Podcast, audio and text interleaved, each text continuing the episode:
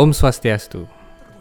Bagi Anda yang bukan Hindu, barangkali tatkala Anda mendengar kata mantra, Anda membayangkan ritual-ritual mistik, sihir atau jampi-jampi. Dalam kenyataannya, mantra adalah hal yang paling esensial dalam agama Hindu. Dan tentu saja tidak selalu terkait dengan sihir seperti yang Anda bayangkan. Sebuah mantra adalah gabungan suku kata rohani yang apabila diucapkan dengan cara yang benar akan mampu membuka kunci-kunci rahasia alam semesta kepada yang mengucapkannya. Apa saja jenis-jenis mantra dan bagaimana suatu mantra diucapkan agar memberikan manfaat sejati bagi yang mengucapkannya? Serta apa saja yang harus dilakukan sebelum seseorang mengucapkan mantra?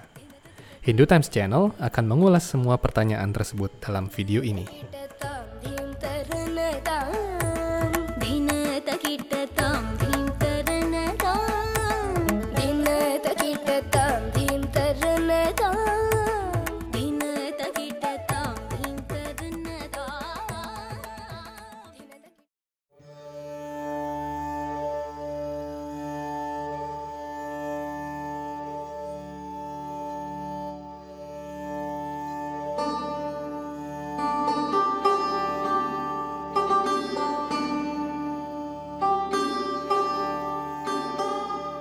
Sebelum video ini kita lanjutkan, kami mengundang Anda untuk menyukai video ini apabila Anda tertarik dengan konten-konten kami. Anda juga bisa berlangganan video-video terbaru kami. Jika Anda ingin menonton video-video eksklusif, Anda bisa mengaktifkan fitur berbayar dengan cara klik tombol join di bagian bawah video ini. Mantra berasal dari kata mana dan tranaya, yang artinya membebaskan pikiran. Seseorang mengucapkan suatu mantra agar pikirannya terpusat pada objek pujaannya, agar pikirannya terpusat pada objek pujaannya, dan dengan demikian perlahan-lahan membebaskannya dari belenggu keterikatan pikiran. Secara filosofis, apabila Anda ingin mencapai Tuhan di alam rohani, Anda harus meninggalkan segala ikatan di alam material ini. Tidak mungkin seseorang bisa mencapai Tuhan apabila dia masih memelihara ikatan yang begitu kuat pada hal material. Karena itu, orang yang sungguh-sungguh ingin mencapai Tuhan harus melakukan praktik yoga, entah bakti yoga, karma yoga, Jnana Yoga maupun Raja Yoga. Dalam praktik yoga ini, ada banyak pantangan yang harus dia tempuh. Misalnya seseorang tidak boleh menghumbar hawa nafsu. Itulah sebabnya dia tidak makan sembarangan, bahkan ada yang tidak makan daging, ikan, atau telur.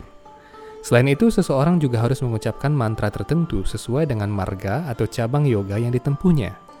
Ini disebut dengan nitya sadhana atau kewajiban agama harian. Dengan sadhana yang teratur dan pengucapan mantra, Seseorang berangsur-angsur meningkatkan hubungan rohaninya dengan Tuhan, dan pada saat yang sama menginsafi hakikat alam material ini yang penuh dengan penderitaan. Inilah tahapan apabila seseorang benar-benar ingin mencapai Tuhan. Karena itu Hindu sesungguhnya merangkul manusia dari berbagai level dan tingkatan kesadaran yang berbeda. Bagi mereka yang masih terikat pada hal-hal duniawi atau masih ingin menikmati keindahan dunia, Hindu menyediakan aturan-aturan yang harus diikuti sesuai dengan kemampuan mereka. Demikian pula bagi mereka yang ingin lebih serius, Hindu menyediakan kitab-kitab yoga, Upanishad, dan Vedanta yang hanya bisa dipahami oleh mereka yang melakukan banyak pengendalian diri dan pertapaan. Karena itu Hindu tidak bisa diseragamkan, dan praktik-praktik spiritual dalam payung Hindu melibatkan manusia dengan tingkatan kesadaran rohani yang berbeda. Ini harus kita pahami bersama apabila kita ingin merumuskan pedoman-pedoman kehidupan beragama Hindu bagi generasi di masa depan. Dalam setiap jalan menuju Tuhan, seseorang harus mengucapkan mantra tertentu guna mencapai tujuan yang diinginkannya. Karena itu penting kiranya terlebih dahulu kita mengetahui jenis-jenis mantra dan apa perbedaan mantra, sloka, stawa, atau stuti. Mantra adalah gabungan suku kata rohani yang tersusun dalam jumlah dan baris tertentu. Jumlah suku kata dan baris yang berbeda-beda ini membentuk canda atau metrum mantra. Karena itu ada mantra yang bermetum Gayatri, Anustup, Tristup atau Jagati. Mantra tidak dibuat oleh manusia, namun mantra turun dari dunia rohani. Suku kata Om adalah inti pokok dari segala mantra Weda. Jadi unsur pertama sebuah mantra adalah canda atau metrum. Unsur kedua adalah dewata. Jadi setiap mantra memiliki penguasa yang disebut dengan dewata atau ista dewata. Ada mantra yang ditujukan kepada Surya, Indra, Chandra, atau Varuna, dan ada pula mantra yang ditujukan kepada Tuhan Yang Maha Esa. Karena itu setiap mantra memiliki dewata atau ista dewata penguasa. Unsur ketiga sebuah mantra adalah risi atau penerima mantra itu kali pertamanya. Dengan kata lain, resi adalah otoritas yang menurunkan suatu mantra. Ada Maharisi Vyasa, Great Samada, Kanwa, Gautama, Marici, dan sebagainya yang menerima mantra-mantra tertentu dalam Veda. Semua resi ini memiliki garis perguruan yang disebut dengan parampara. Oleh karena itu, seseorang harus memuja resi yang menguasai mantra itu sebelum ia mengucapkan suatu mantra. Unsur terakhir dalam sebuah mantra adalah yoga atau tujuan mantra itu. Apabila Anda mengucapkan mantra tertentu, Anda harus tahu betul apa tujuan mantra itu dan dengan cara apa mantra itu diucapkan. Ini disebut dengan Wini Yoga. Jadi canda atau metrum, dewata atau penguasa mantra, risi atau penerima otoritas mantra, dan winiyoga atau tujuan mantra serta tata cara mantra adalah empat unsur dalam sebuah mantra. Karena itu suatu mantra diucapkan dengan memperhatikan keempat unsur tersebut. Seseorang harus menerima suatu mantra dari seorang acarya atau guru kerohanian yang dapat dipercaya. Guru kerohanian ini adalah wakil dari Maharishi Vyasa yang menjadi otoritas segenap mantra Veda. Karena mantra kurang lebih adalah sebuah password atau kata kunci untuk membuka pikiran seseorang, maka kata kunci ini harus mendapatkan autentifikasi dari otoritas. Otoritas suatu mantra adalah acarya atau guru kerohanian. Itulah sebabnya peran seorang acarya atau guru kerohanian sangat penting dalam peradaban Hindu. Seorang acarya adalah penerima autorisasi mantra dari acarya pendahulunya, sehingga mantra ini memiliki kekuatan sepanjang zaman.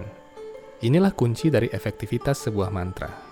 Menyimak uraian ini, kita setidaknya mulai berpikir bahwa mantra tidak boleh diterima sembarangan, diucapkan sembarangan, atau diberikan kepada orang lain secara sembarangan. Ini disebut dengan diksa mantra atau mantra yang diucapkan dengan tata cara yang ketat di bawah bimbingan rohani yang konsisten. Ada pula jenis mantra lain, yakni nama mantra atau japa mantra. Biasanya mantra-mantra ini pendek dan dapat diucapkan oleh umat Hindu secara umum. Biasanya mantra-mantra ini ditujukan kepada ista dewata tertentu. Namun demikian, alangkah baiknya apabila seseorang menerima mantra ini dari otoritas dalam jalur tersebut, agar mantra yang diucapkan memiliki karunia dari garis perguruan rohani. Di antara nama mantra, ada yang disebut dengan Taraka Brahmanama atau nama suci Tuhan.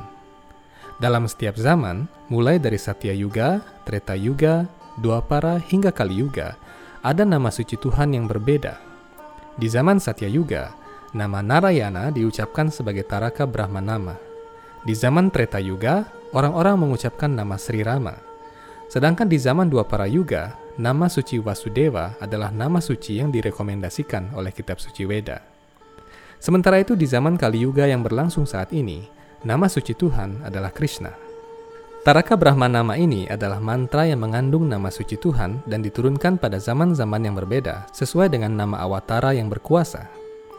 Tuhan turun di awal setiap zaman dengan nama yang berbeda, sehingga apabila seseorang mengucapkan Taraka Brahmanama ini, dia memuja wujud Tuhan yang turun sesuai zamannya.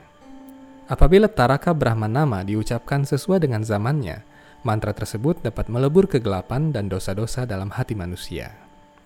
Jenis mantra lain adalah samskara mantra atau mantra-mantra yang diucapkan dalam ritual Veda.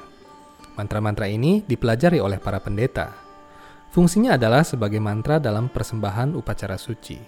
Mantra-mantra penyucian, persembahan makanan, memohon air suci, dan mantra-mantra sembahyang adalah tergolong samskara mantra ini. Beberapa jenis samskara mantra dapat diucapkan oleh umat secara umum dalam persembahyangan maupun kegiatan sehari-hari. Mengingat bahwa mantra adalah kata-kata suci, maka mantra hendaknya diucapkan dengan cara-cara berbeda. Ada mantra yang hanya boleh diucapkan di dalam hati. Contohnya adalah mantra Gayatri yang seseorang dapatkan dari guru kerohaniannya ketika menerima upacara Dwijati. Ada pula mantra yang diucapkan dengan cara berbisik, contohnya adalah mantra tatkala berjapa. Di samping itu, ada jenis mantra yang bisa diucapkan dengan suara keras, Contohnya adalah Taraka Brahmanama atau nama suci Tuhan. Cara pengucapan mantra ini hendaknya dipelajari dari otoritas rohani yang dapat dipercaya, bukan dari akun-akun media sosial yang tidak jelas asal-usulnya. Apabila seseorang mengucapkan mantra sesuai dengan petunjuk, maka mantra akan memberikan kemajuan rohani dalam diri seseorang. Apabila mantra tidak diucapkan sesuai petunjuk otoritas rohani, mantra yang diucapkan seseorang tiada ubahnya hanya gabungan suku kata biasa. Karena itu agar suatu mantra memiliki taksu atau kekuatan rohani, seseorang harus memperhatikan tata cara pengucapannya. Tatkala seseorang mengucapkan mantra terus-menerus dalam sadana hariannya di bawah bimbingan yang tepat, perlahan-lahan dia akan secara alami mengembangkan sifat cinta kasih, kejujuran, kesucian, dan pengendalian diri. Keempat prinsip ini adalah empat pilar Dharma yang amat mulia dan dijunjung dalam peradaban Veda dari zaman ke zaman. Di samping jenis-jenis mantra tersebut, ada pula jenis mantra lain yang disebut dengan sloka, stuti, dan stawa. Sloka adalah ayat Sanskerta yang digunakan pada kitab-kitab Purana, Vedanta, Sutra, Upanishad, dan lain sebagainya. Sloka memiliki banyak metrum, mulai dari metrum Gayatri hingga metrum Virat yang suku katanya amat panjang. Ayat-ayat yang Anda temui dalam Bhagavad Gita maupun banyak kitab lain adalah contoh-contoh sloka. Sementara itu, stuti adalah doa-doa pujian yang dipanjatkan oleh para penyembah Tuhan yang agung.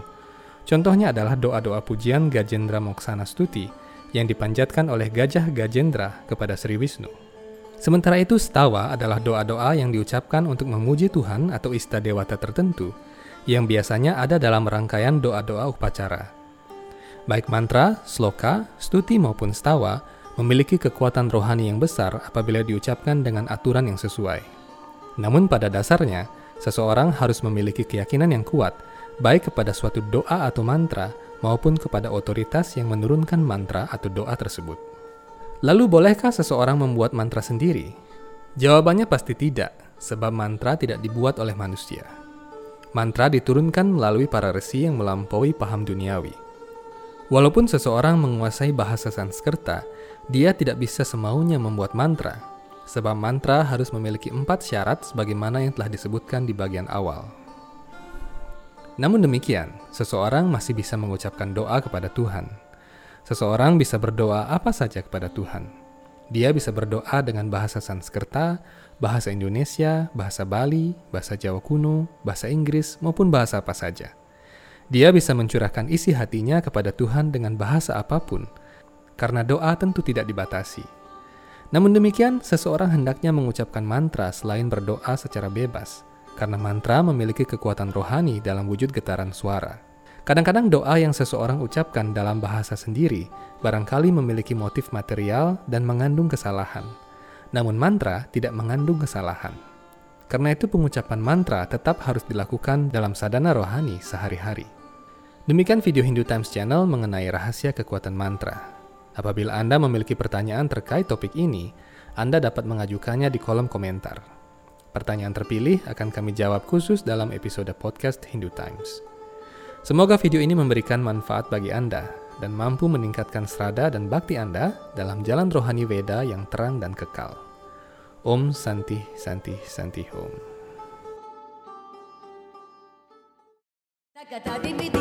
गगद् गिर्जगनन्दं धग जग धग जगद् गिर्जगनन्दं यमुनातडागतुङ्गतरङ्गम् इमगरस्मिनितरमितशुभाङ्गम् इतस्ततस्तरकरुणापां यदिबरहृदयसरोरुगृङ्गम्